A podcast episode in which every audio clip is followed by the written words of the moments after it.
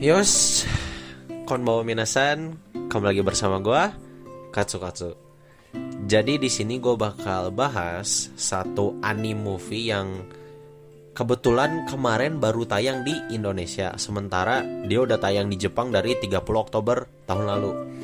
Nah, nama si anime movie-nya ini tuh dia Sword Art Online, progressive movie Hoshinaki Yoruno Aria atau bahasa Inggrisnya tuh Sword Art Online the Movie Progressive Aria of a Starless Night. Nah, jadi uh, anime ini tuh sebenarnya ya anime movie ini tuh sebenarnya ngejelasin dua episode awal dari season pertamanya Sword Art Online di mana ketika itu kan masih di Aincrad tuh masih Sao baru rilis segala macem.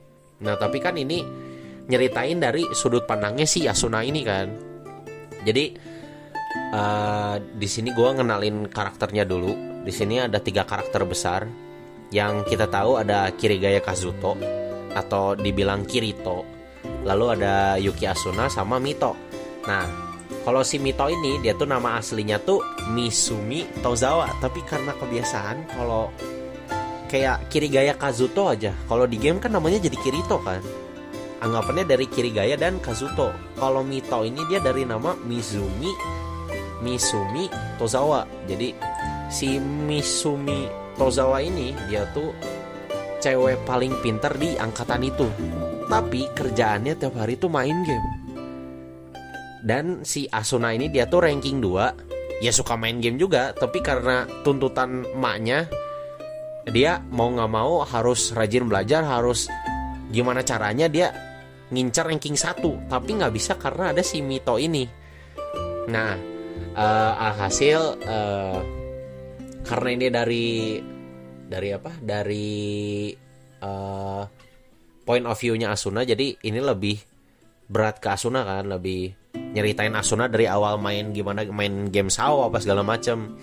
Nah jadi di sini gue bakal bahas garis besarnya si movie ini kayak gimana jadi uh, garis besarnya itu ini memperkenalkan Asuna sebelum ya tadi gue udah ngasih tau kan gimana Asuna sebelum uh, main game Sao ini. Dia tuh suka main game. Cuman ya itu kan dikakang sama emaknya biar mencapai ranking satu yang di mana dia nggak bisa dapat ranking satu ini karena si Mito ini. Nah ketika di sekolah si Asuna ini dia tuh anaknya periang cuman kadang menutupi sesuatu gitu. Jadi anggapannya ya ya kayak orang-orang terkekang kebanyakan gitu di mana mereka di depannya punya fake fake itu loh apa? Muka muka palsu gitulah kayak mereka senyum di depan muka orang sementara di belakangnya kayak ah gue tertekan nih gue harus ranking satu gimana caranya gue harus ranking satu? Nah tapi karena emang sifat aslinya si Yuki Asuna ini dia tuh periang nah dia tuh kan dikenal di kelasnya sebagai orang periang Sementara si Mito ini, si Misumi Tozawa ini dia tuh di kelas tuh anaknya pendiam dan dia kurang kurang berkomunikasi sama sekitar lah. Jadi ya dia sibuk sama dirinya sendiri gitu. Nah, si si Mito sama si Asuna ini sebenarnya mereka tuh temenan aslinya. Tapi karena si Misumi Tozawa ini dia tuh nggak pengen diekspos orang-orang kalau dia temenan sama si Asuna, akhirnya ya ketika ketika ada satu event game karena mereka main game yang sama barengan ya otomatis ketika ada satu event dan si Asuna atau si Mito ini ngajak main kayak ayo kita main game bareng. Nah mereka mainnya di loteng jadi biar nggak ketahuan orang-orang. Nah uh, ternyata si Misumi Tozawa ini dia tuh kan gamer maniak yang gimana dia bisa main game di Gesen atau game center gitu sampai terkenal banget sampai ini orang nggak terkalahin gitu. Dari kecil dia main game segala macem jago banget. Tapi ya kebalikannya si Asuna sebenarnya dia jago cuman ya dia gak mau terlalu profesional lah di game karena ya itu kan belajar belajar belajar dan belajar gitu. Akhirnya uh, udah dari lama Sword Art Online rilis kan di Jepang saat itu. Mau mau rilis di Jepang dan ternyata si Mito ini dia tuh salah satu beta tester juga kayak Kirito. Tapi karena si Asuna ini dia bukan beta tester jadi otomatis dia nggak tahu apa apa kan. Nah si Mito ini tuh kayak ya itu yang gue kasih tahu tadi yang dia di mana dia jago semua game dia jago apa pun. Dan si Asuna ini dia suka dan dia jago. Bukan berarti dia jago banget gitu. Nah di satu scene si Mito ini dia tuh ngajak si Asuna tuh buat main sao main sao bareng. Tapi si Asunanya nolak karena besoknya ada ada semacam uas atau UTS gitu. Yang gimana ya ya ya kita tahu sendiri lah dia nggak mau nilainya jelek gitu. Nah setelah ujian sanksi segala macam Sao rilis kan di 11 November apa di 30 November gitu. Nggak tahu gue lupa. Pokoknya di timeline segitu tanggal berapa rilisnya. Nah uh, tepat di hari itu kebetulan si kakaknya si kakaknya Asuna ini kan dia suka main game dan dia pun udah beli game Sword Art Online. Yang otomatis ya berarti kakaknya salah satu beta tester juga dong. Udah mah kakaknya beta tester dia beli Nerf Gear dan dia beli Sao otomatis di hari rilisnya Sword Art Online dia pun bakal main game itu tapi karena ada uh, apa ada dinas dinas kerja jadinya dia nggak bisa main. Nah di hari itu tuh kan si Asuna nerima paket yang di mana paketnya itu punya kakaknya. Nah ketika si paket itu mau dibasukin ke kamarnya ya di kamar itu kosong kan nggak ada apa-apa dan di kamar itu ada Nerf Gear dan ada game Sword Art Online.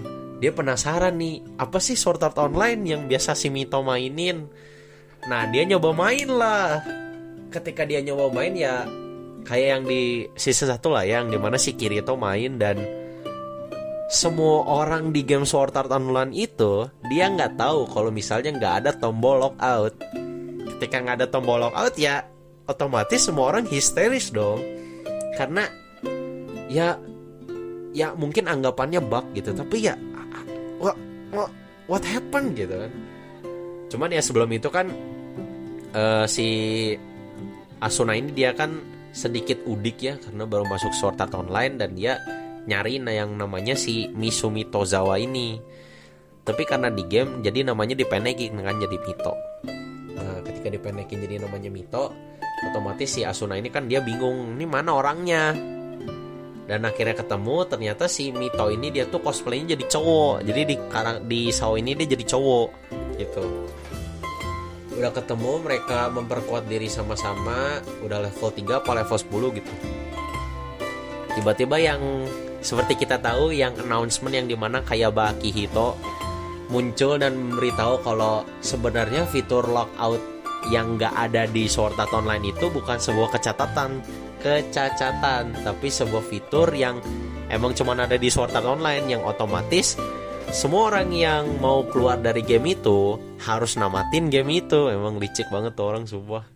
Tapi keren sih kalau kata gue jadi otomatis karena semua orang histeris di sini ya si Mito sebagai beta tester ini ya dia istilahnya dia ngebimbing si Asuna biar bisa berperang biar bisa ngelawan monster.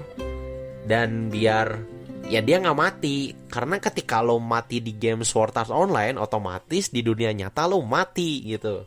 Jadi kayak dead game gitu loh pokoknya. Nah terus setelah mereka asik-asik kayak oh gue bunuh monster gue bunuh monster kita sama-sama bunuh monster kita udah party bareng nih si Mito sama si Asuna ini. Ada di satu monster di mana si monster ini tuh udah di aware sama mereka berdua. Di mana si Mito ngomong ke si Asuna ntar kalau ada monster yang di kepalanya ada buah jangan lu bunuh. Nah uh, si monster yang ada buah di kepalanya ini kan dia punya satu koloni. Nah si koloninya ini kan nggak ada buah di kepalanya kan. Otomatis bisa dibunuh sama mereka berdua. Karena musuhnya ada banyak otomatis mereka bunuhnya ya barengan lah switch switch kayak gitulah. Tiba-tiba ketika si Asuna lagi nge-sword skill Nah si sword skillnya ini tuh dia tuh agak sedikit melenceng dan si sword skillnya itu ngenain si monster yang ada buah di kepalanya. Kenapa gue bilang e, nggak e, boleh dibunuh yang si monster ada buah di kepalanya? ternyata si monster ini tuh ngeluarin sebuah asap yang di mana asapnya itu dia manggil semua koloni yang ada di situ yang di mana ada ratusan koloni di situ jadi ada ratusan monster di situ yang otomatis bangun semua dan ngeroyok si dua orang ini. Karena udah ke udah ke apa ya?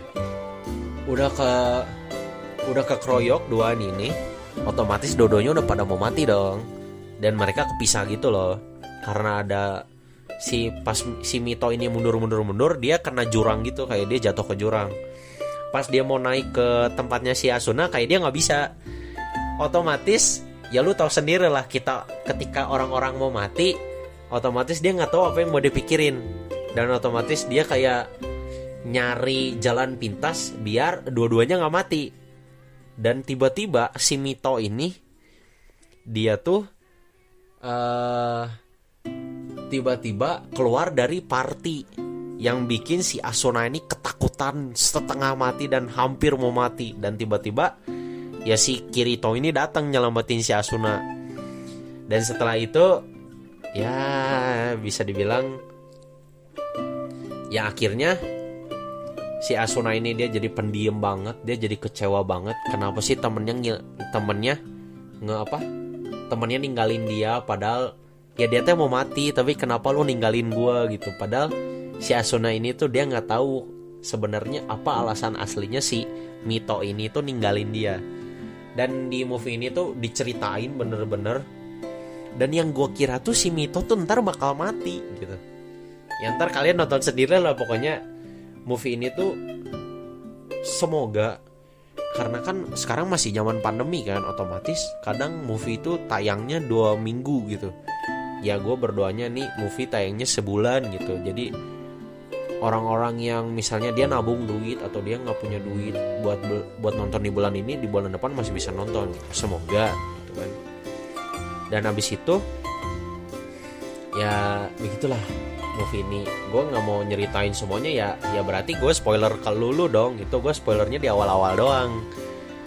Jadi uh, segitu aja review dari gue review dan spoiler dikit dari gue gue mau gue nggak mau spoiler semua biar kalian yang nonton sendiri. Intinya di movie ini tuh ternyata nyeritain si mitonya juga yang sebenarnya nggak ada di animnya. Dari dua season animnya tuh nggak ada. Kayak di movie Ordinal Scale aja yang sebenarnya tiba-tiba ada si Yuna di anim Sword Art Online. Sementara di animnya aja nggak ada si Yuna gitu kan berfokusnya ke Kirito sama Asuna kan sementara karakter sampingan kayak Yuna nggak ada. Tapi di movie tuh dibahas dan di movie kali ini tuh dibahas si Mito ini gitu. Jadi uh, segitu aja review dari gua. Cocok banget kalian tonton karena seiyunya pun terkenal. Nambah satu lagi yang terkenal udah mah Yoshitsugu Matsuoka terkenal Tomatsu Haruka terkenal apalagi ini Inori Minase. Kayak wow gitu seiyu yang bertabur bintang yang muncul di sini. Udah gitu yang nyanyi ya seperti biasa ya. Nggak Lisa, nggak Sao gitu. Lisa lagi yang nyanyi di anime ini. Jadi anime ini wajib banget kalian tonton buat kalian para penyuka Sao.